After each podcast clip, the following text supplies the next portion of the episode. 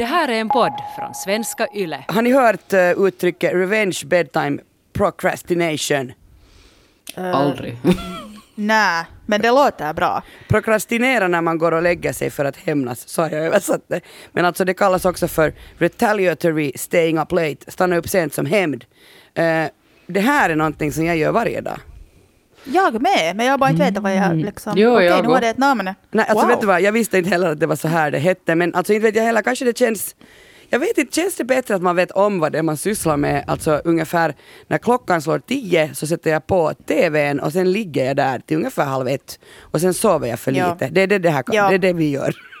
Ja. Vem är det man hämnas på? Sig själv. Och det är alltså faktiskt så att Daphne Cayley, en journalist, hon skrev alltså här på sommaren att på Twitter, så beskrev hon det här fenomenet som att folk som inte har tillräckligt med kontroll över sitt dagliga liv, de vägrar lägga sig tidigt, för det är enda chansen att få liksom uppleva och upprätthålla lite frihet. Och därför stannar man vaken. Alltså jag vet inte om det här passar in nu på er. Nej, det där svarar Alltså på så många 100%. frågor. Ja. För, att, Ja. för exakt det där gör jag, det, därför straffar man sig själv. Men jag är så här att, att, att jag har så jobbigt liv.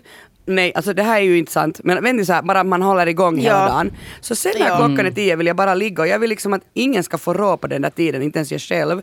Men det där, nu har jag istället då börjat göra så att, att jag vaknar före klockan ringer. Jag tror att det här är någon stresssymptom. Och, men jag tycker väldigt mycket om, idag vaknade jag liksom halv sju och jag borde stiga upp för sju. Och då låg jag en halvtimme bara låg. Alltså, och det tyckte jag om. Det där gör jag också, det är härligt. För då får man också lite sådär liksom I have my shit together. Jag, jag gör faktiskt också det där. Då hittar man på att man har Ja. sitt shit together för man kan ligga helt stilla i sängen i en halvtimme. Ja, ja.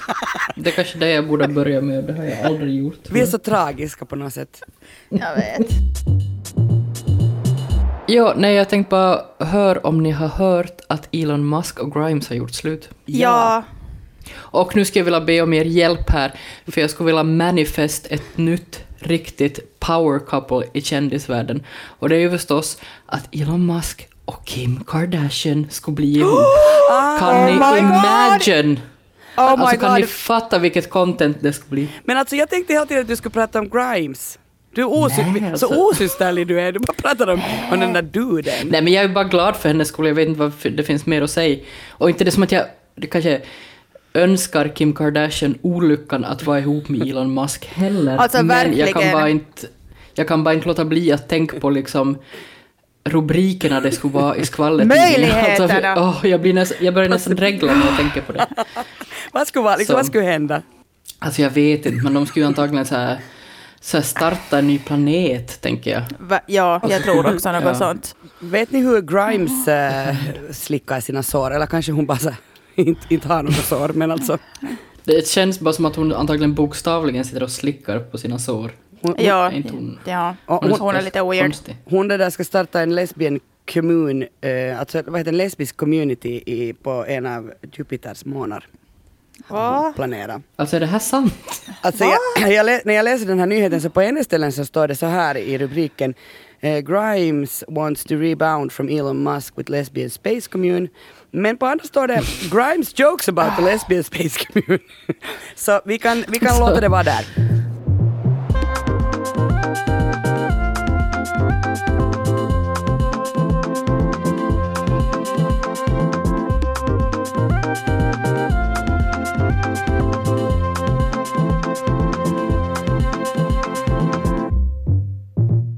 Välkommen till Sällskapet, en kulturpodd med samhällsperspektiv. Jag heter Kia Svetihin och idag poddar jag med Ellen Strömberg, hej! Hej! Och Biffen Ahonen, hej! Hej, hej! Uh, vad, Ellen, har du tänkt på den här veckan? Jag har tänkt på Lord och på kritiker. Uh, jag har tänkt på vem som är ful och vem som är snygg och varför vi bryr oss så mycket om skönhet. Så jag har läst Liv Strömquists nya bok som handlar om skönhet idag. Vad heter den? Spegelsalen? Inne i spegelsalen. På Instagram kan en rumpa vara värd miljontals likes eh, och också göra en rikare. Vi, kapital- vi kapitaliserar ju på vårt utseende jättemycket just nu, men vad gör det med vår självbild? Det här ska jag fundera på. Biffen, vad ska du prata om? Jag ska prata om Bond, James Bond. Äh, för äh, James Bond, äh, senaste filmen, har ju faktiskt haft eh, premiär igår när vi bandar in det här och jag ska gå och titta på den ikväll. Så jag är jättepumped up så att säga. För vi har väntat på den här filmen jättelänge. Jag hade tänkt börja med att fråga sådär lite, vet ni vem Ella Maria Lani Jelich O'Connor är? Men nu har du ju redan spoilat det är Lord jag ska prata om, så det är lika bra att jag säger att det är Lord, alltså artisten Lords riktiga namn. Hon är, Hon hon heter- hon är nyzeelänning. Nej, vad är hon? Jo, jag te- jo hon är född 1996 eh, på Nya Zeeland. Och eh, hon slog igenom 2013, alltså om ni är bättre på matte än mig, jag fick använda miniräknare, så hon var alltså 16 när låten Royals blev en megahit. Ni kommer ihåg den va? Ja, så bra. Ja, det är Ja, den är jättebra.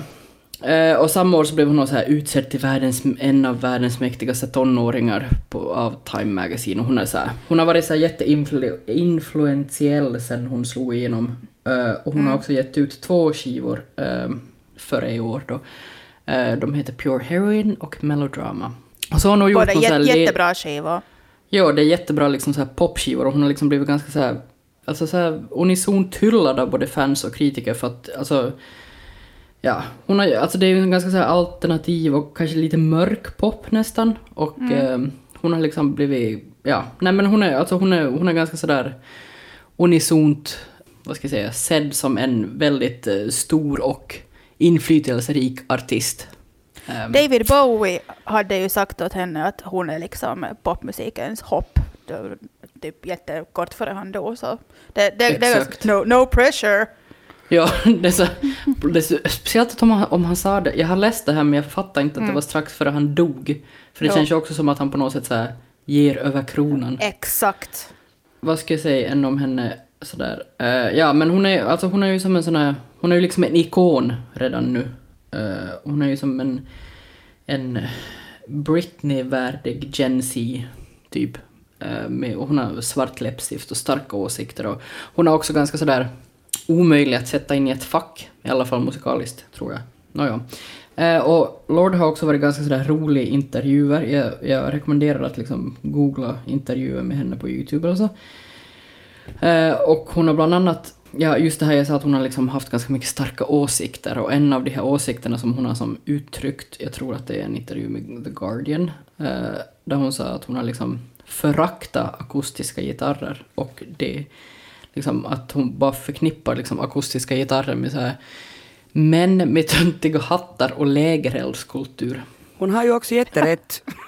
Jo, alltså jag tänkte just säga det att vi- vem har inte varit på en efterfest som har blivit förstörd av en man i en töntig hatt som har hittat en gitarr? Och vet du när det Och blir sådär... spela Bon Jovi. Ja, jag älskar ju liksom att, att prata, vet ni ju. Men det, där, så det är jättejobbigt med sånt för då får man aldrig prata. Och sen pratar jag ändå så blir alltid någon sur. Man ska alltid sitta och spela lyssna. creep här, vad är Ja just det, då ska alltid spela creep. Och sen ska man sitta och lyssna. Du måste köpa en gitarr, då lyssnar alla på dig. Och så bara pratar jag. Ja, så precis. En spoken word. Jag skulle så vara där för det. Den efterfesten vill jag vara på. Gud, jag med. Jag med. Jag vill inte. jag är inte där. Jag tror, ja, kanske Lord skulle vilja vara på den också. Eh, för hon är ändå sådär, hon har nu då, det blev, det är ganska, hon kom alltså ut med en ny skiva här för ett par veckor sedan bara. Eh, och när första singeln eh, släpptes från den skivan i, i somras så tror jag att det var ganska många som blev förvånade för att eh, det var som ett helt nytt sound hon kom med. Har ni hört den här Solar Power som den här singeln heter? Ja. Jag har lite undvikit den för att den fick så dåliga recensioner och jag tycker att redan det där omslaget är så cringe så jag var liksom så att jag vågar inte. Oj, oj, vad roligt att du har så stark åsikt, för det här ska vi komma tillbaka till, eh, just recensionerna och cringe-faktorn och så vidare. Ehm, men det har som hänt ganska mycket på de här fyra åren sedan, sedan Melodrama kom ut och den här andra skivan. Eh, och på de fyra åren så har Lord, hon har växt upp, hon har tröttnat på popstjärnelivet, hon har hittat nya influenser, bland annat män med akustiska gitarrer. Eh, Lord har raderat sina sociala medier. Eh, hon har lärt sig uppskatta naturen och hon har bandat in cikador och använt dem som ljudeffekter på Solar Power, Just det. den här skivan. Just det. Så ni, ni, förstår ni vartåt det här barkar? Ja. Ja, Eh, alltså skivan, jag har lyssnat ganska mycket på den här skivan, eller jag har lyssnat, det är kanske den skiva jag har lyssnat mest på i år. Men den är också ett lite mer behändigare format än till exempel Donda, den har inte som så många låtar. Eh, men det finns låtar som heter saker som California, eh, Mood Ring, Fallen Fruit, eh, där Phoebe Bridges är med också. Och The Path, men också det här som jag tycker är kanske, en kanske den snyggaste låttiteln jag har hört på länge, Stoned at the Nail Salon. Wow. Alltså stenad på nagelsalongen. Jag vet inte vad det heter. Det går inte att översätta. Det är inte alls samma svung i det på svenska. Men i de här låtarna så tar sig Lord an ämnen som miljöförstöring och wellnesskultur, att logga ut och söka sig till naturen och det här, det här extremt jobbiga med att vara en ung popstjärna ständigt i rampljuset. Eh, och under de här fyra åren så har liksom Lord har liksom på riktigt ganska loggat ut, alltså hon får tillbaka till Nya Zeeland och har liksom inte synts någonstans och verkligen varit sådär lite levt ett ganska normalt liv antar jag. Jag antar att man kan göra det i Nya Zeeland, det är så långt bort från allting så att paparazzerna inte hittar den. Jag vet inte. Och du tyckte alltså att det här album, äh, albumomslaget var cringe, Biffen? Vill du förklara Alltså det- vad vi ser på det? Ja, berätta. No. Jag, vet, jag vet inte hur det ser ut, alltså jag har bara lyssnat. Alltså det där omslaget är, eh, hon hoppar liksom över någon. Det är väl hennes, det är hennes kompis som har tagit den där när de har varit på beachen. Och hon hoppade antagligen över sin kompis och hon har några jättesmå string-bikini-trosor på sig. Så det ser ut att hon är basically liksom naken och, och liksom you can see into the vajayjay. Alltså Fast det man, kan kan inte, man men, men, men man kan inte, men, men liksom man ser det så man säger Åh! Liksom det, jag, jag vet inte, man ser ingenting men liksom eh, man tror sig se lite för mycket, ska vi säga så. Det är liksom så att om en sån här bild skulle existera på mig så jag skulle inte sätta ut den någonstans. Liksom. Usch, nej. Eh, men, men det är bara jag. Jag är kanske pryd. I don't know. Och, och jag har inte Alltså, lika snygga lår som hon. Så. Men, Jag tycker inte men att jag, jag tycker att den är underlig liksom. Det, det, det är ett underligt omslag. Alltså det är ju en vinkel man sällan ser en rumpa från. Sådär. Precis. Eh, Men jag tycker också att den är ganska, alltså jag tycker den är ganska sådär avslappnad i sin nakenhet i alla fall, för den har inte, alltså den känns ju inte speciellt så här sexualiserad. Skulle du hålla med om nej, det? nej. Jag tycker att det känns som ett sånt här, och det är väl kanske det hon vill förmedla på något sätt, ett, verkligen så här ett äkta barfota bar, någon hippie som bara så springer runt och har glömt sina trosor, jag vet inte. Men alltså det känns det. ganska, alltså jag vill inte säga barnsligt heller, men jag tycker ändå att det liksom, ja. Jag, jag blir inte upprörd av det här omslaget, jag tycker att det är ganska, jag tycker att det ser, jag tycker det är ganska 90-taligt, är inte det? Alltså, Mm, ja, det, det, estet- estetiskt är det ju nog väldigt 90-tal. det är just det där, titta nu är jag en hippie. Nu har jag Mm, blivit. Men jag tänker också att det, om man är 16 när man slår igenom sådär stort som hon, liksom David Bowie, sådär att du är vet du, nästa. Så Ja. kanske man eh, måste bli hippie sen när man liksom tio år senare kommer med, med sin skiva. Ja, alltså det är ju det alltså. Eller om jag, om jag, for, om jag for, eller först liksom försöker förklara den här första videon till Solar Power, alltså den här första singeln då. För den är också sådär, den går liksom i samma estetiska spår som det här omslaget. Hon, eh, hon, Lord dansar på någon sån här strand och den här stranden är tydligen hemligt. Ingen, får, ingen har liksom fått lista ut var det är de har spelat in det här. För jag antar att det finns en massa olika hemliga stränder i Nya Zeeland, för det är väl bara ett sånt här Sagan om ringen-land. Och eh, hon dansar där på stranden med en massa människor och de gör så här yoga och allt möjligt och hon är så här väldigt så här rentvättad och osminkad och frisläppt och så har hon så här lång gul kjol och, eh, och alla är så här jätteglada och ehm, ja, alltså, och låten handlar ju som typ om hur trevligt det är när solen skiner. Alltså det är på riktigt, alltså det är väldigt sådär Alltså om man, om man har lyssnat på Lord tidigare så är det ganska... Det är som en ganska bjärt kontrast till det här. Hon har ju ändå alltid haft på något sätt ett mörker i det hon har gjort. Eh, eller det är ju ganska långt från, från eh, Dark Academia, om vi säger som så. Som hon, jag Det är att hemskt hon när har varit... artister blir lyckliga och börjar göra skitmusik. Ja men, ja. men jag tycker den här låten är jätte, jättebra. Alltså hon, i refrängen så samplar hon eh, min personliga eh, husgud och idol George Michaels, den här Freedom-låten. Eh, och det fattar jag inte förrän jag läste någonstans och när jag lyssnade så var jag så herregud, har jag inte hör, känt igen det här? Det, men det tycker jag, ja, den är, alltså, jag tycker den är väldigt, eh, jag tycker låten är väldigt bra. Eh, och hon sjunger också där att, ehm, att hon throw her cellular, cell- cellular device in the ocean, in the water. Can you reach me? No you can't. Mm, Vilket är smart. sådär, ja. Och hon har också pratat i, i intervjuer om att hon har liksom raderat sina sociala medier och det, mest, det närmaste sociala medier hon är på nu är typ så här New York Times matapp eller något sånt, vilket också är sådär get over yourself. Alltså, hon- men hon men också låter- lite som att, ja. Hon låter så jättemogen på något sätt. Alltså, det, jag, kan- jag vet inte om det var det du menade. eh, Biffen, när du sa att man blir lycklig så börjar man göra skitmusik. Mm. Men hon låter väldigt alltså, liksom sådär lillgammal på något sätt. Men Och tycker du säger inte att det är skit. Det är, det är, jag bara inte tycker om glad musik själv, så jag menar Ja, det- det var det du menade. Dissa här nu går inte jag, precis. Eh, Men hela skivan är liksom inte, jag skulle inte säga att den är som sådär eh, liksom glad helt igenom. Det finns ju också, just eftersom hon också, det handlar ganska mycket om så här miljöförstöring och att kanske liksom längta efter en natur som kanske inte ens finns på sätt och vis. Så det finns ju liksom någon slags, ja. Eh, men min favoritlåt från den här skivan är, är den här andra singeln Mood Ring som kom ganska nyligen. Eller som videon kom ganska nyligen ska jag säga. Eh, och där berättar Lord en historia om en ung kvinna som inte riktigt vet hur hon mår eller vad hon tycker. Och hon försöker hålla upp humöret men, men hon sjunger också där att My mood is as dark as my roots if I ever let them grow out.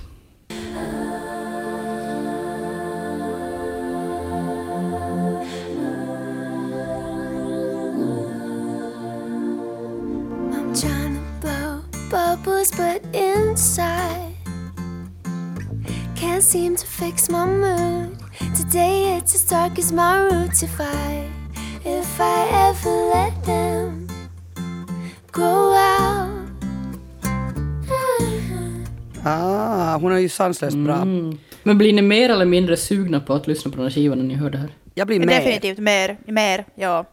Ja. Mm. För den har fått så Bra. dåliga recensioner också av någon Och det är det jag vill komma till. att- Eh, nej, men det har ju varit en ganska omdebatterad skiva överhuvudtaget. För, eller först skulle jag vilja säga att vet ni vad min värsta mardröm är? Liksom det hemskaste jag kan tänka mig i hela livet. Det, det finns så många alternativ. här. Jag vad ska man börja nu? Eller, Allt eller? nej, Allt är skit. Nej, men en, det jag kanske är mest rädd för, det är liksom att uttala mig så här jättestarkt om en skiva eller en bok eller whatever och säga att jag till exempel inte tyckte att den var bra eller att jag inte tyckte att den var då, alltså att jag tyckte att den var jättedålig eller jättebra.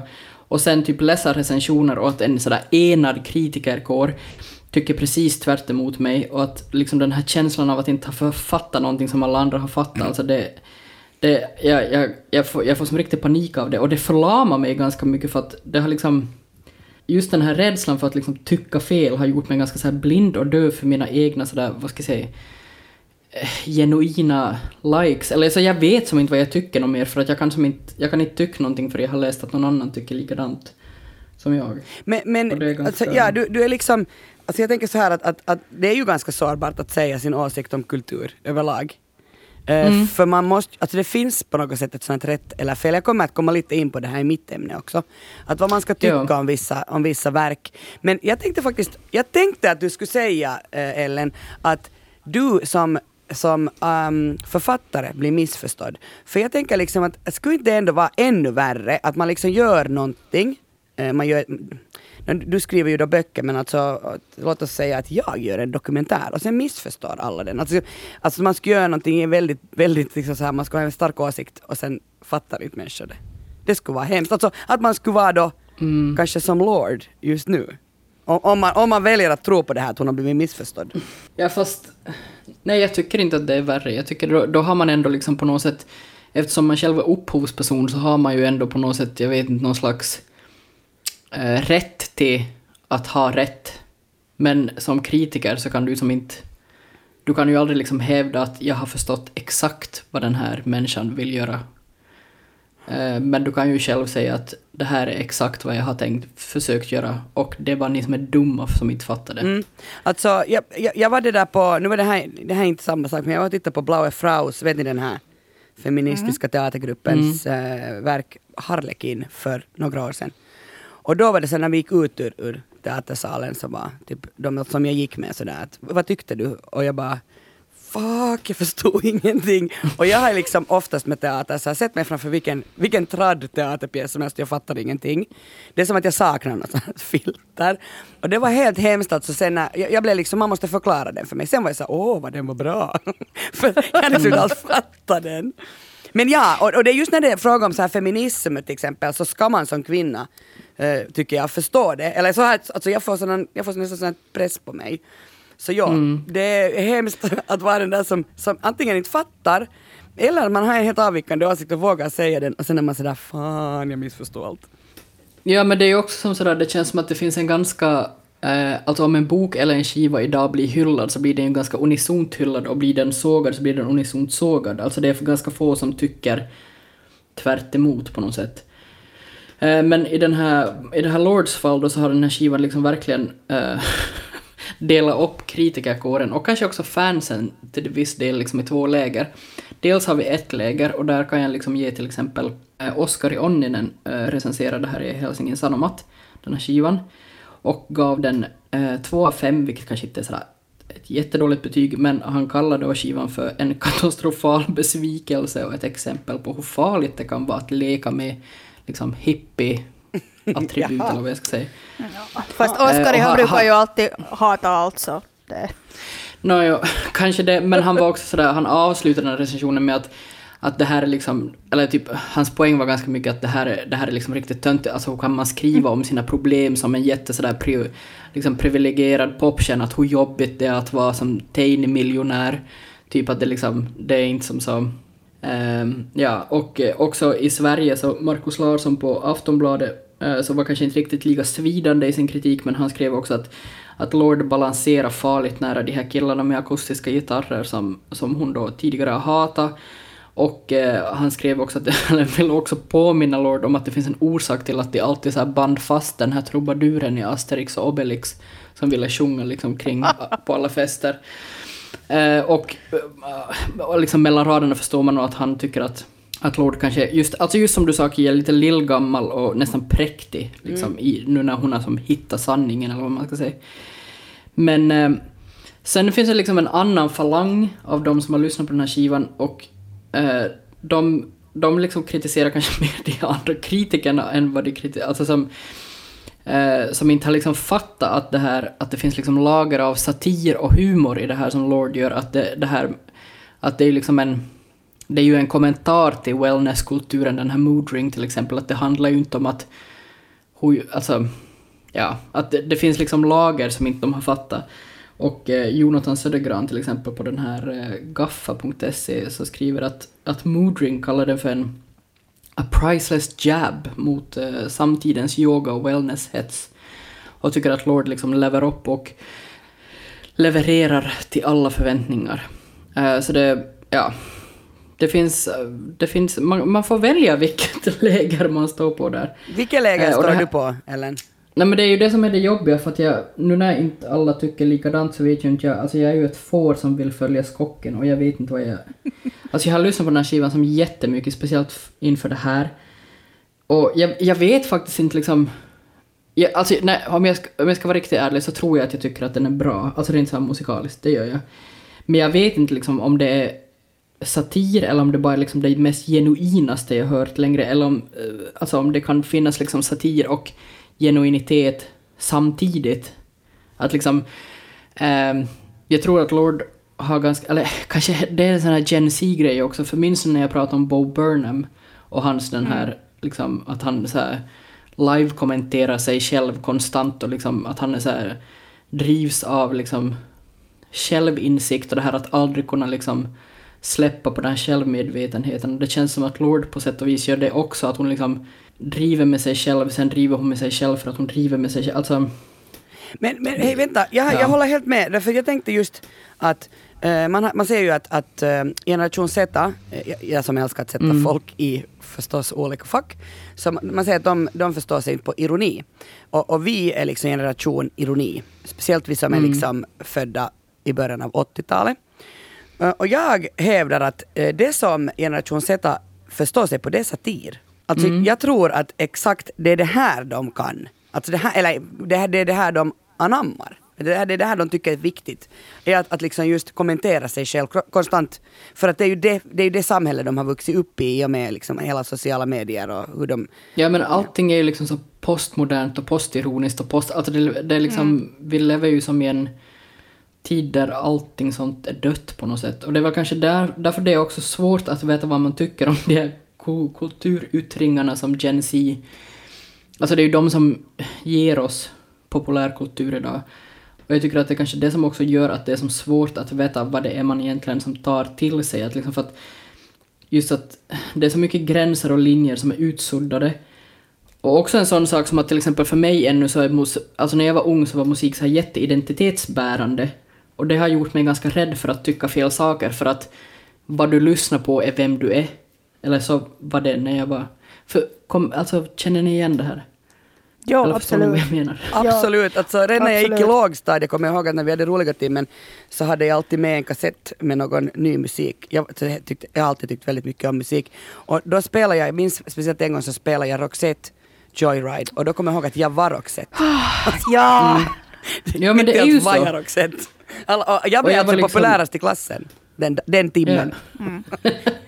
Ja, och jag var så, i högstadiet var jag så här panda, alltså väldigt sådär eh, svensk indie-musik. Och det var liksom, jag kunde, inte, jag kunde inte erkänna att jag tyckte att någonting annat utanför den lilla bubblan var bra. För att då skulle liksom min identitet ha krackelerat. Och det här tror jag alltså det här existerar inte längre idag. Alltså jag tror inte att, alltså musik, eftersom alla har tillgång till all musik hela tiden, så är liksom inte musiken identitetsmarkör längre. Och det gör det Exakt. också att jag liksom, att jag vet inte hur jag ska ställa mig. Jag vet inte om det här Lord, om det är liksom mitt eller inte mitt, om det hör till mitt område eller inte. Och det, alltså, ja. Nej jag vet inte, alltså min slutsats är väl kanske bara så att jag vet som inte om man ska tycka att, att Lord och generation Z är lillgamla och naiva och liksom bara tror att de har hittat lösningen på någonting, eller om de faktiskt har hittat lösningen på någonting och man bara är gammal och inte fattar det. Men ehm, det lär väl visa sig. Jag tänker nog att, att det är så här att, att Helsingin Sanomats ähm, recensent och den där, var det Aftonbladets, att de har missförstått det här. Ähm, kommer ni ihåg eh, för några år sedan så kom Disney-klassikern äh, Lejonkungen i en sån här datoranimerad version. Kanske, kanske två år sedan. Ja. Turun Sanomats, Beyoncés sämsta karriärsteg. ja, Turun Sanomats recensent hade missförstått nya Lejonkungen och han trodde att det var riktiga djur som skådespelade. Ja. Men hur kan man... Hur, kan, hur har ingen rättat honom? Alla bara var såhär att ah, Alltså Hur kan, hur, kan man, hur kan man tro det bara? Ja men den här, det här vårtsvin och den här surikaten, det är liksom bara väldigt... Ja, alltså där han skrev, han skrev sådär att att den, den, den liksom, alltså rubriken på den där recensionen är Klassikkotarina elävillä näyttelijöillä. Eh, man googlar det så hittar man tyvärr inte den där artikeln mera, men, men jag tänker liksom, att- tänk att vara recensent för Turun Sanomat och så, och så recenserar du den där filmen som är jättejobbigt med de där liksom levande djuren. det är datoranimerat. Din junt. Sen, också intressant, den fick bara två stjärnor av Turun Sanomat. Jag tänker liksom när Helsingin Sanomat gav ju också två stjärnor. Nu är det bara ett Mm, Lord. Det är det cursed betyget. Det är då man inte har förstått, då gör man två. Ja, nej men oavsett hur vi, hur vi ställer oss till Lords skiva så, tro, så är väl... Får vi väl ändå enas om att vi hamnar och ställer oss på någon, på någon sida av den. Och det gör det, det gör det väl viktigt som samtidsfenomen, tänker jag. I don't know. Maybe I'm jag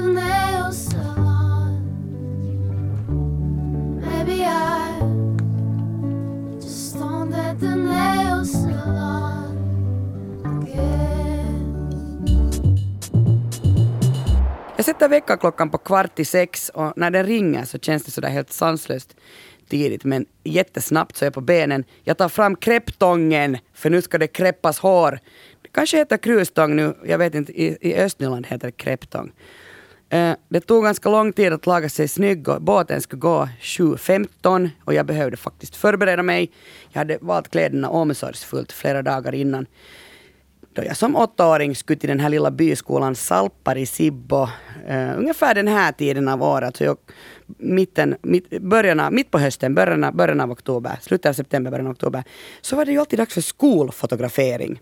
Och som åttaåring var jag också snyggast i hela mitt liv. Jag var snygg ungefär i fyra år av mitt liv, alltså som åtta år till tolv år. Jag måste fråga er, har ni några minnen från skolfotograferingarna?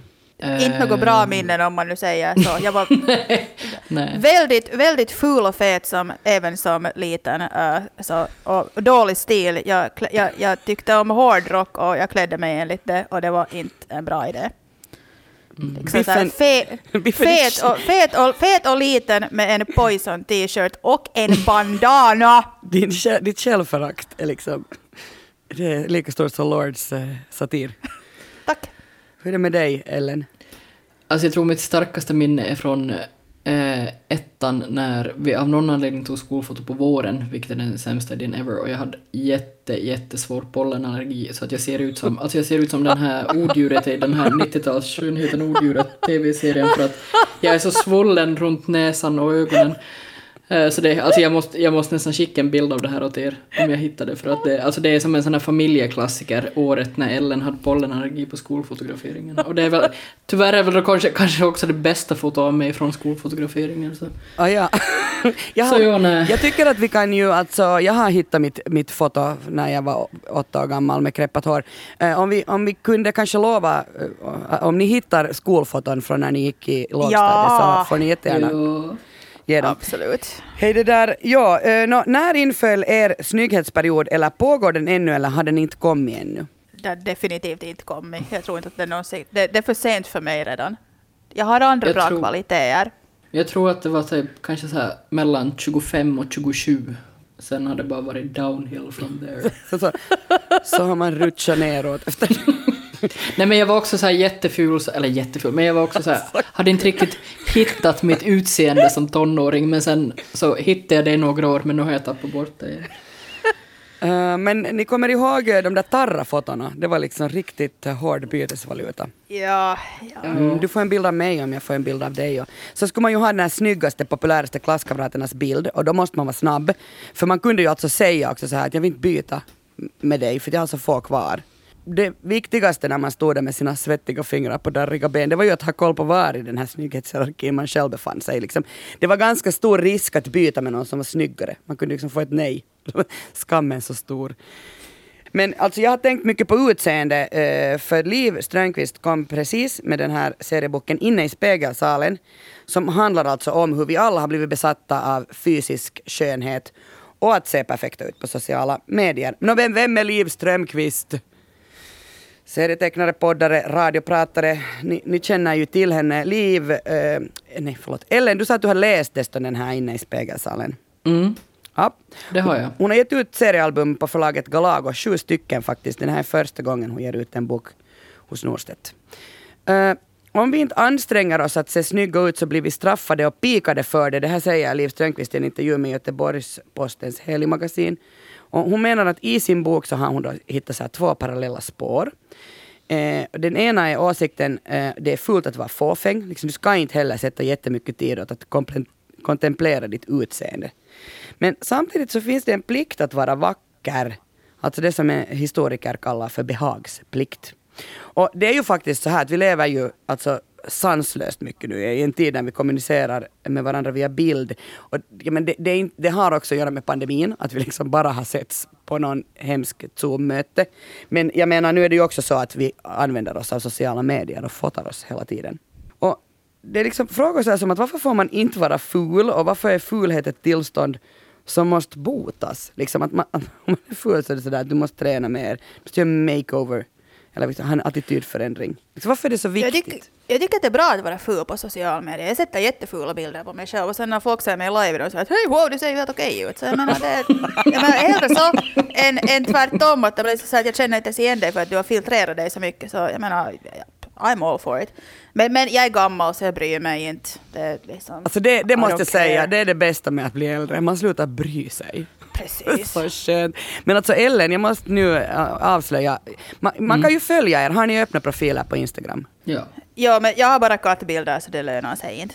Men Ellens Instagram är härlig. Och El- Ellen, det, det, du har så härlig stil och liksom, du ser så ljuvlig ut. Och liksom, Men sluta, det här blir bara pinsamt. Jag vet, men, men Biffen är helt kär i dig. Ja, Det är nej, så jag- tredje julet. Men, men En alltså, jag, för jag tycker faktiskt det Ellen, att, att du är rolig därför att du sätter alltså också de, där bilderna som inte är så bra. Alltså vet du, de som, Alltså ni menar det där med all kärlek. Is there any other kind? Ni vet sådär att, att om du sådär har ögonen liksom så halvs, alltså vet du typ att du håller på att stänga dem, så, så kunde man ju sätta en bild när du har ögonen öppna, men då väljer du alltid att sätta den där bilden när du liksom är sådär. Men för att jag, jag, har, nej men alltså, jag har inte något annat val. Det är roligt att du sa det här om halvöppna ögon, för att i lördags så tog jag nya författarporträtt eh, och eh, jag hade en kompis som är fotograf som fotade mig. Vi tog 700 bilder och jag överdriver inte när jag säger att jag blunda eller halvblunda på åtminstone 600 av de bilderna. Och det är inte en överdrift. Alltså jag måste ha något, alltså jag ser ut som att jag skulle som Nej, alltså jag, jag, jag vet inte. Jag kan tydligen inte hålla upp ögonen. Så Så, det, du är som han, Napoleon Dynamite, Kommer du ihåg? han pratar alltid med, jag är så som Napoleon Dynamite. han pratar alltid med ögonen stängda. Men hörni, boken, boken är rolig, nu kan jag ju säga det. Eh, den pratar om många kvinnor genom tiderna som varit stilikoner. Jag kommer börja med den undersköna kejsarinnan Elisabet av Österrike. Eh, så hette hon officiellt, men alltså Sisi kallades hon och hennes skönhet blev hennes adelsmärke men också hennes boja. Hon skapade stilideal över Europa och levde alltså på 1800-talet. Eh, och den här hennes liksom skönhetsideal, eller det här, det blev också som en besatthet för henne. Um, och nu kan man ju fundera, eller det här funderar Liv Strömquist på i sin bok, att, att vad är likheterna mellan då kejsarinnan Sisi och den amerikanska realitystjärnan Kylie Jenner? Jo, båda två har blivit världsberömda som bild. Um, och, och, och Strömqvist tar fram en filosof som heter René Girard. Han har en teori om det mimetiska begäret. Och det vill säga att vi åtrår inte det vi vet och känner att vi vill ha, utan vi åtrår eh, det som någon annan åtrår. Det vill säga om miljoner kvinnor vill ha läppar eller en äppelformad röv som Kylie Jenner har, då vill liksom jag också ha det fast jag inte egentligen vet att jag vill ha det. Och den här Girard, han lanserar till och med en teori för hur smalhetsidealet har uppkommit. Sisi eh, och hennes rival, den franska kejsarinnan Eugene, de eh, var båda eh, modeförebilder i dåtidens Europa. Och när deras män var upptagna i ett möte så stack de iväg till en sån avskild plats för att jämföra sina midjor. Och här uppstod liksom en konkurrens som satte igång en mimetisk rivalitet hos andra damer i aristokratin. Jo, vem har smalare midja? Den här kejsarinnan Sisi stod inte ut med att åldras bakom sitt evigt unga porträtt så hon åt minsta möjliga, hon dolde sitt verkliga ansikte för världen tills hon mördades av en italiensk anarkist. Så så lyckligt liv hade Nåja. hon. Mhm. Nå, Kylie Jenner, ni vet, alltså det är den yngsta. Och, och jag, måste, alltså jag kan ingenting om Kardashians men jag, titt, jag läste på igår. Hon är den yngsta i, i familjen Kardashian. N- Nu får ni rätta mig om sen jag har fel då. Men, men ingen vet ju hur hon mår. Men jag tror ju att hon mår skit för att det är så tungt att leva på sitt utseende. Men hon har miljarder av dollares för att hennes företag går så jättebra. Hon säljer väl mycket smink. Okej, ni känner till Bert eh, Stern, han som alltså fotar Marilyn Monroe. Ja. Ja, ja. finns ett kapitel i boken som heter Spöklika spår. Det är så här alltså, Bert fotar Marilyn Monroe under tre dygn på ett hotell eh, Bel Air i Los Angeles. Han tog sammanlagt 2600 bilder och det var mycket nakenbilder men då främst hon skulle vara såhär supersexy. Och sen sex veckor efter det här så dör Monroe i en överdos. Och 53 år senare så kommer det ut en fotobok av Kim Kardashian, den näst äldsta då av, av systrarna, alltså Kylies stora syster. Och de här bilderna ser helt likadana ut som eh, bilderna såg ut då liksom när Marilyn Monroe, när, när det var Marilyn Monroe på dem. Men här är en skillnad. Bert eh, Stern är inte längre i rummet och tar bilderna. Utan eh, Kim Kardashian tittar på sig själv och Liv skriver så här. Det behövs inte längre en kåt womanizer. Nu har Kim utvecklat samma förmåga att se på sig själv med samma slags kåta blick. Och alltså att tycka att man själv är vacker och agera som att man vet det, det är en jättestor kulturell förändring. Och det har tagit ungefär 1900 år för kvinnor att förstå att man behöver inte tycka att man är ful. Alltså man får själv tycka att man är vacker. Men måste man? Men måste man tycka att man är vacker. Inte om man, inte, inte för sällskapets poddare. Eh, Tack. okej. Men nu går vi över till ett land där man verkligen vet om att man är vacker. eh, och det spelar alltså roll i det vardagliga livet. Jag pratar om vårt östra grannland. Skönheten i Ryssland är ett kapital och det handlar om att ta sig fram, att bli sedd. Anna-Lena Laurén har skrivit helt nyligen ett reportage om skönhet i Ryssland för Dagens Nyheter. Och det är alltså hojsiga siffror vi pratar om. Eh, mellan 2017 och 2019 så växte värdet på den ryska kosmetikamarknaden från 8,6 till 12,5 miljarder dollar. Det är alltså ganska hårt tryck på att kvinnor ska vara vackra och, och liksom se så här välvårdade ut. Och ni vet hon Kylie, Kylie, Kylie Jenner som jag talade om i början. Nå, Hon förtjänar ju miljarder på sina skönhetsprodukter. Alltså vi vill se ut som hon. Så här började jag fundera på det här med skönhetsprodukter och kanske också då influencers. Jag och min syrra började liksom kina om något serum för ansikte som hon absolut skulle köpa. Det kostar 20 euro. Och den där burken var ju lite, lite, lite, liten. Och jag liksom satt bara och tittade, så jag fattar inte, hur kan hon inte fatta hur extremt lurad hon blir? Uh, för vad är egentligen ett serum för ansikte? Jo, det är en lögnaktig kräm man har lurat att speciellt kvinnor ska smeta ut i ansiktet så att de inte blir gamla. Och nu får ni ju förstås säga emot mig. Jag, jag, jag tror inte på sånt här. Jag menar, det, det känns ju som en gammal klyscha att säga att skönhetsindustrin rånar kvinnor på pengar. Men det är också sant. Eh, Man blir ju liksom lurad att tro att man men alltså i sin sätt att liksom fire i håret Kia, utan använd shampoo brukar folk säga. Mm, Men till mig. finns, finns det inte liksom typ något Lamera, det- en liten burk kostar typ något 800 euro. Man är liksom så att nej, nej. Och tror nej, folk på det här? Ja. Alltså man säger, eh, I den här texten så säger liksom, ah, skriver Anna-Lena att uh, i Ryssland så lever man som i en sån sexuell matris uh, där både samhället och kvinnorna själva dömer sig enligt vissa kriterier. Alltså kvinnan själv vill också använda sig av allt det här. För annars uppfattas man inte som en riktig kvinna. Alltså det här gör vi västerländska kvinnor också. Men det som gör Ryssland speciellt är liksom att sam samhället där är både patriarkat och nyliberalt. Alltså och en stark faktor är att, att eh, rysk-ortodoxa kyrkan som strävar efter ett traditionellt samhälle och kvinnans viktigaste roll är att vara hemmafru. Inte som under Sovjet då alla måste jobba. Eh, men det där, här är också liksom, det att Ryssland är ett samhälle med starka nyliberala strömningar, så den här ryska staten är ju ganska dysfunktionell och svag. Så då vet medborgarna att de kan inte räkna med någon hjälp av samhället, alltså man kan bara räkna med sig själv. Och för många är utseende en resurs. Och för en som utseende har varit en resurs, eh, läste ni den här supersorgliga nyheten om supermodellen Linda Evangelista? Jo, Nej. Eh, Den här nyheten alltså att, att hon, hon numera lever helt isolerat. Nu måste jag säga, ni vet säkert båda vem Linda Evangelista är. naturligtvis. Jo, under 90-talet alltså var det hon och Cindy Crawford typ som dominerade catwalken i världens modestäder. Men hon kan inte längre jobba som modell efter en misslyckad skönhetsprocedur. Hon har genomgått fettfrysning. Cool sculpting heter det. En icke-kirurgisk procedur som går ut på att man skulpterar fettpartier med kylbehandling. Men Linda Evangelista skrev på Twitter att något gick fel och istället liksom för att öka, eh, alltså istället för att minska fettcellerna så ökar de. Och det har gjort henne liksom permanent deformerad. Och nu har hon genomgått två smärtsamma och misslyckade korrigerande, korrigerande operationer. Men de hade alltså inte lyckats, så hon är brutalt vanställd. Och är inte ungefär det värsta som kan hända en människa som alltså, lever endast och enbart på sitt utseende?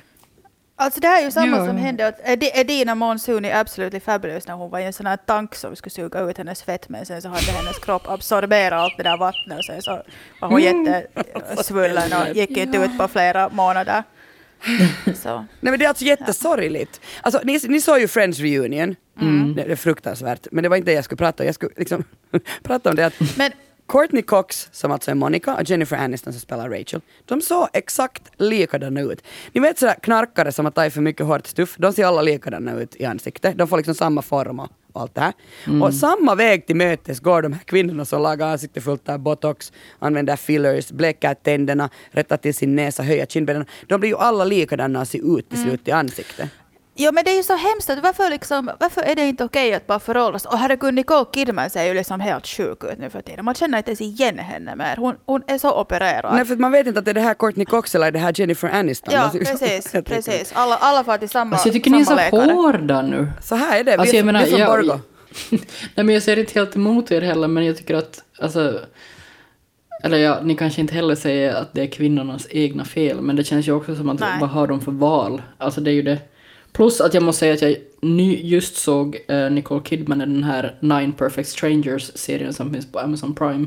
Och hon var jättebra i den och jag blev också sådär förvånad över hur mycket rörlighet hon hade i ansiktet. Inte jättemycket, men jag trodde inte att hon hade något. Det är Hon hade kanske datoranimerat 10%. efteråt. Jag är helt Ja. Precis. Men, men vet ni, när jag läste på inför det här ämnet så kan jag säga att jag första gången på jättelänge var så sanslöst uttråkad. Alltså det är det att ämnet har tråkat ut mig. Utseende, fixering, skönhetsprodukter, skönhet, sminktips, fillers, serum. Suck vad tråkigt det är. Och jag säger inte här för att jag upplever mig vara så här oerhört attraktiv och jag behöver inte några av de här. Utan jag säger det här helt enkelt för att det är sant. Jag tycker att det är så tråkigt med utseende. Alltså, jag sminkar mig jättesällan. Jag går typ aldrig till skönhetssalong. Jag tror jag aldrig har varit. Eller till frissan. Jag tvättar håret på riktigt med Fairy. Och jag brukar inte tvätta mitt hår så ofta. Och så använder Alltså jag... på riktigt, alltså är du seriös att Alltså- du tvättade med Fire? Jag har tvättat mitt hår med Fairy. Alltså alltid bara, bara vad jag hittar för tvål. Jag Men använder... Fire är inte tvål, Fire är disk. Ja men så det blir Alltså jag menar, jag är inte heller tvål. intresserad, men Kia. Kaja. Det där, okej, Kaja. jag vet vad vi köper åt dig till julklapp. Alltså jag måste, jag måste bara kanske raka mitt hår. Sen använder jag liksom, alltså jag har, jag har bestämt mig för att inte använda hudkräm. För, vet du så här som man bestämmer att jag vill inte sätta mjölk i kaffe för det är en till sak man måste ha. Så jag har då bestämt mig för att jag ska inte använda något, eh, något hudkräm så jag använder ibland olivolja. Eh, inte så ofta.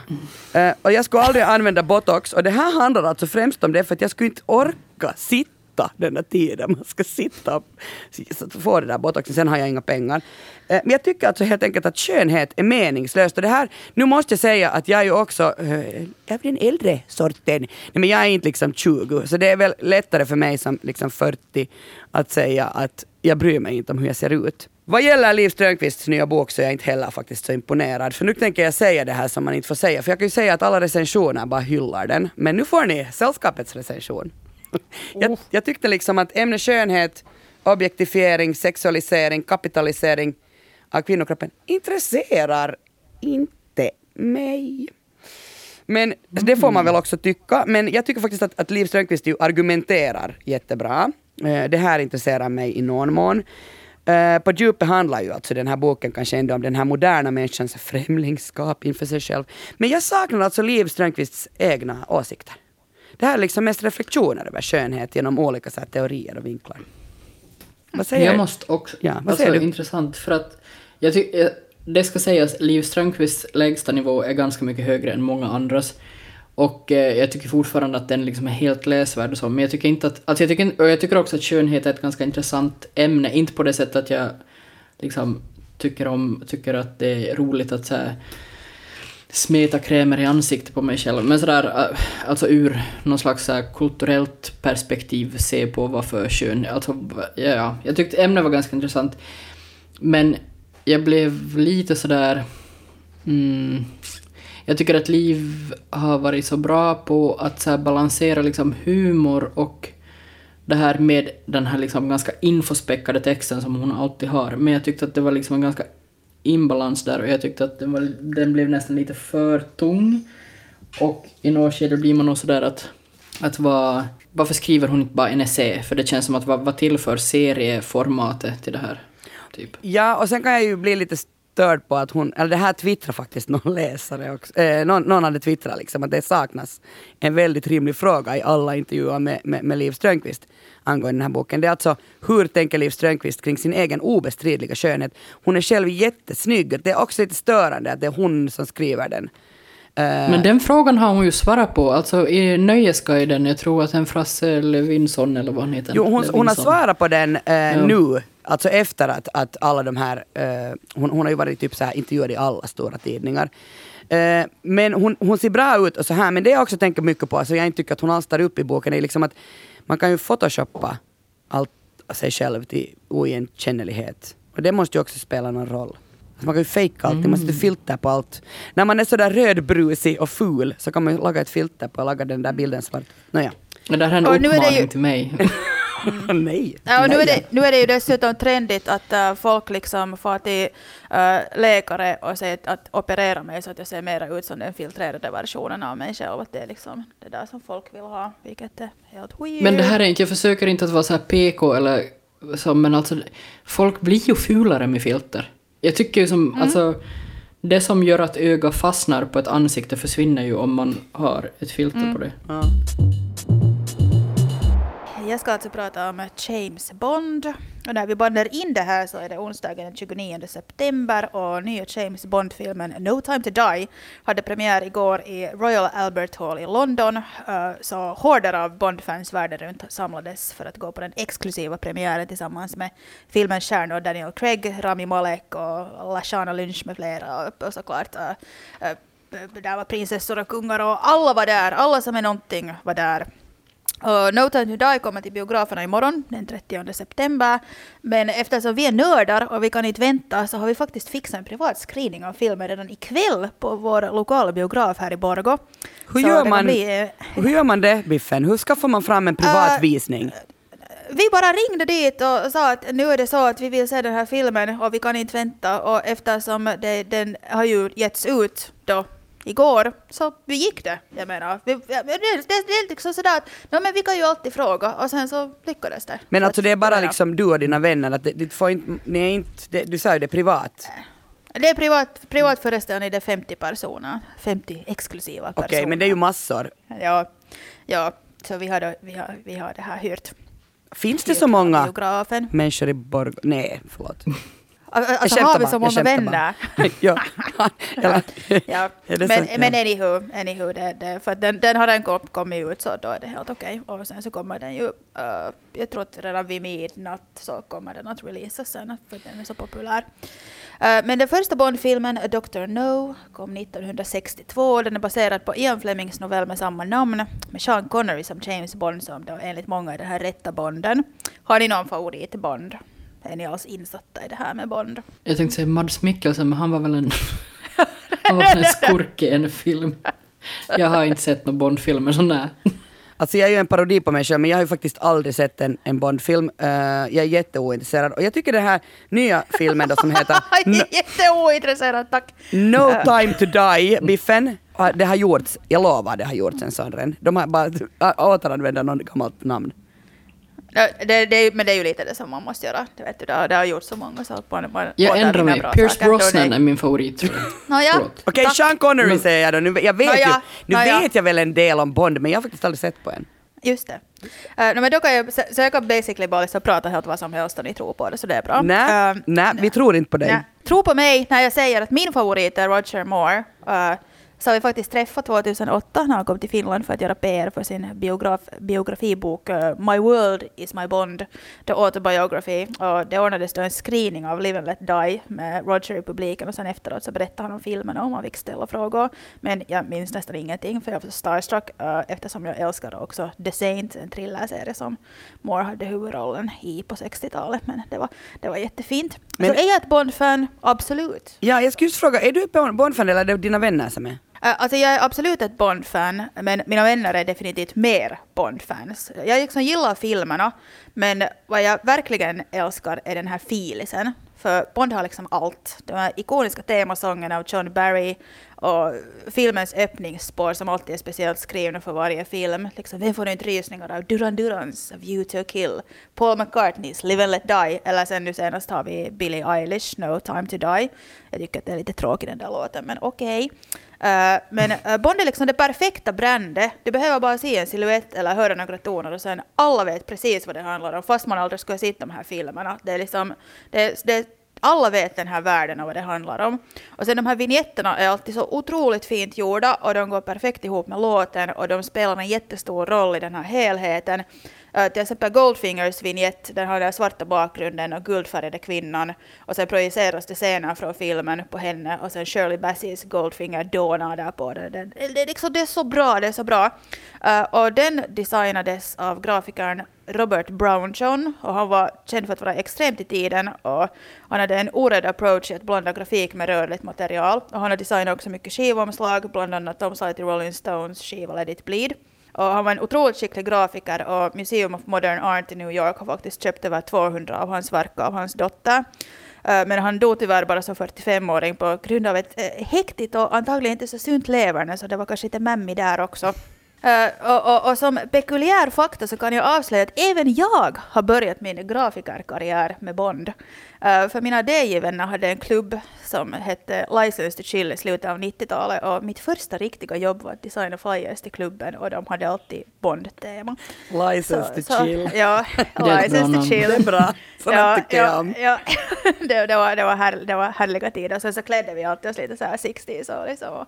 Det var, det var jättefint. Oh, you, good Jag, times, jag kan good ju, times. eftersom ingen frågar mig varför jag inte tycker om Bond så kan jag själv berätta att det är för att jag tycker att, att det handlar om en vit heterosexuell man som använder supercool teknik för att försvara det brittiska imperiet. Alltså det är jättetråkigt. Det är sånt behöver Alltså inte... du säljer in det ganska bra skulle. Ja, så jag tycker det är så att mm, what's not to love? Liksom- Gud vad ni är störande! Det är liksom, jag är en stor anglofil själv så liksom, jag, jag är helt liksom såhär, mm, nipple freeze. Uh, Alltså förstås är du en anglofil. Jesus, Biffen. Vem är inte en anglofil? Jag, jag är inte en anglofil. Whatever Kia. Okej, nu lugnar vi ner whatever. oss. Whatever, whatever. Det, det är så så we will smother you with our Burberry trench coats. Okay. Uh, ja, men, men, men liksom det härliga med Bond är just uh, att det här teamet som gör de här filmerna är alltid den absoluta toppen i sin bransch. Det är liksom spe, bästa specialeffekterna för den tiden, bästa musiken, bästa artister, bästa kläder, bästa grafiken. Och allt är liksom av extrem kvalitet. Och eftersom Bond-franchisen redan är så gammal så tycker jag att de här filmerna är så här perfekta tidskopplade till, till musik och konst och mode. Och Bond har ju såklart också givit oss Austin Powers, Mike Myers fenomenala spoof-version av 007 och sen Johnny English som är Rowan Atkinsons inte så smootha agent. Uh, och, och sen att Bond har överlevt så länge så känns faktiskt lite fantastiskt i denna slit och släng-värld. George Lazenby var ju bara Bond i en film i On Her Majesty's Secret Service från 1969 och han sa nej till att göra flera Bond-filmer. Han blev erbjuden 18 filmers kontrakt, 18 obs. Eh, men han tyckte att Bond var trams och att han skulle nog få liksom bättre seriösa roller. Och liksom, vi gör alla misstag, det, det är helt okej. Uh, och, och Bond som passion och hobby och livsstil är faktiskt otroligt populärt. Uh, min kollega Klaus Suhonen är mycket aktiv inom vad som heter The Bond Community. Han både samlar på Bond-prylar och bygger själv replikan av till exempel telefoner och vapen som Bond har. Uh, Så via honom har jag lite liksom insight i det här.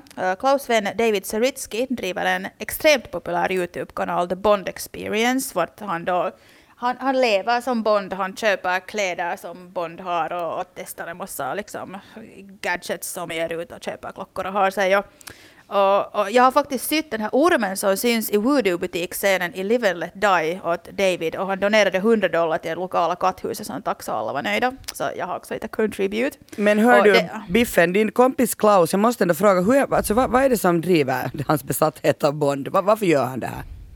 Ja, han älskar liksom alla de här gadgets. Han är, han är också en, en liksom stor Star Wars-fan och liksom filmer överhuvudtaget. Så, och han är jätteduktig på att bygga liksom de här gadgetsen. Så det, det som liksom driver honom. Och sen så finns det ju såklart en del sån att de bara tror att de är Bond och går omkring i, i pukorna. Men alltså Ja, ja, att man lajvar det, eller liksom, är, är, är, är din kompis kanske så extremt nördig? Han är jättenördig. Vi är, vi är alla liksom sådär stolta nördar. Så, och, och sen så finns det en sån sartorial-blogg, jamesbondlifestyle.com, vart man kan få reda på precis var man kan köpa alla kläder och prylar som finns i de här filmerna.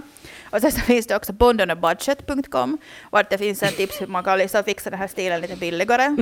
Gotta love it. Men hej, Alltså, inte bara en, alltså inte bara en kostym. Inte det som är stilen. Oj, det, det, nej, det, I'm getting there. Det finns så mycket man kan köpa. Uh, och, No Time to Die, den 25 Bond-filmen, den skulle ju egentligen komma den i april 2020, men på grund av eh, lite problem on set, till exempel Daniel Craigs fot liksom brakade och sen kom covid och bla bla. Och sen, den sköts fram flera gånger till fansens stora förtret och att filmen skjutits upp så mycket har, har fått lite otippade konsekvenser. En Nokia-telefon, Nokia 8,3 5G, som syns i filmen, den har en två gånger uppdaterats digitalt för att kan inte ha en gammal pinsam telefonmodell i Agent 007s händer. Och, och en del har också spekulerat i att det just på grund av Nokia som filmens premiär har skjutits upp så många gånger för att, så att de ska ha haft tid att göra en ny telefon. Eh, och, och Bond är ju inte skygg för att inkludera produktplacering och i och med den här uppskjutna releasen har det också gett en massa bränd tid att komma med sina egna licensierade Bond-grejer. Och, och, och du snackar vi är inte alltså om 007 Eau de som man hittar i matbutikens kosmetikhylla, utan det här är liksom lite, lite, lite mera. Uh, för den här livsstilen är så himla populär och det finns en enorm marknad och, och jag ska lista ett litet urval av mina personliga favoriter inom det här. Uh, så man kan, uh, Chabonel, ett Walker Martini tryffelchoklad, 18 euro. Adidas X James Bond Ultra, Bro, Ultra Boost springskor för 220 euro. Och Omega ger ut en 007-klocka inför varje film. No time, to, no time to Die är en Omega Seamaster Diver 300 meter som kostar näpna 9400 euro. Uh, ett 007 numrerat backgammon-set för 5800 euro. Uh, ett James Bond Collectors Edition roulette-hjul för 15 700 euro. Uh, och sen min favorit, om jag skulle liksom bara få välja en. Uh, Range Rover Defender 007-modell syns i filmen, har gjorts i 500 exemplar och kostar 96 000 euro. Säljs dock bara i USA för att här är Defendern betydligt dyrare. Den är jätteläcker. Och sen en julkalender proppad med Bond-prylar för 150 euro. Så ja, det, det, finns, det finns en del grejer. Här är någon som har förstått uh, hur man får pengar. Ja, ja, ja, ja, ja. Och sen No Time To Die är ju Daniel Craigs sista som Bond. Och nu tippas det hej vilt att vem blir Bond nummer åtta. Eh, Tom Hardy tippade många. Idris Elba, han får definitivt min röst. Jag tycker att han skulle vara så jävla cool. Han är ljuvlig. Jag trodde alltså att man för länge sedan redan hade sagt att det var Idris Elba som skulle få ta över som Bond. Jag Men trodde alltså att det var det- Gillian Anderson. Ja. Men, men här kommer vi till det här. Det var fel svar. Alltså många har spekulerat i att om det kanske blir en kvinna, men redan i No Time To typ Die så är Bond pensionerad. Hans titel 007 är överlåten till Naomi som spelas av, av Lashana Lynch.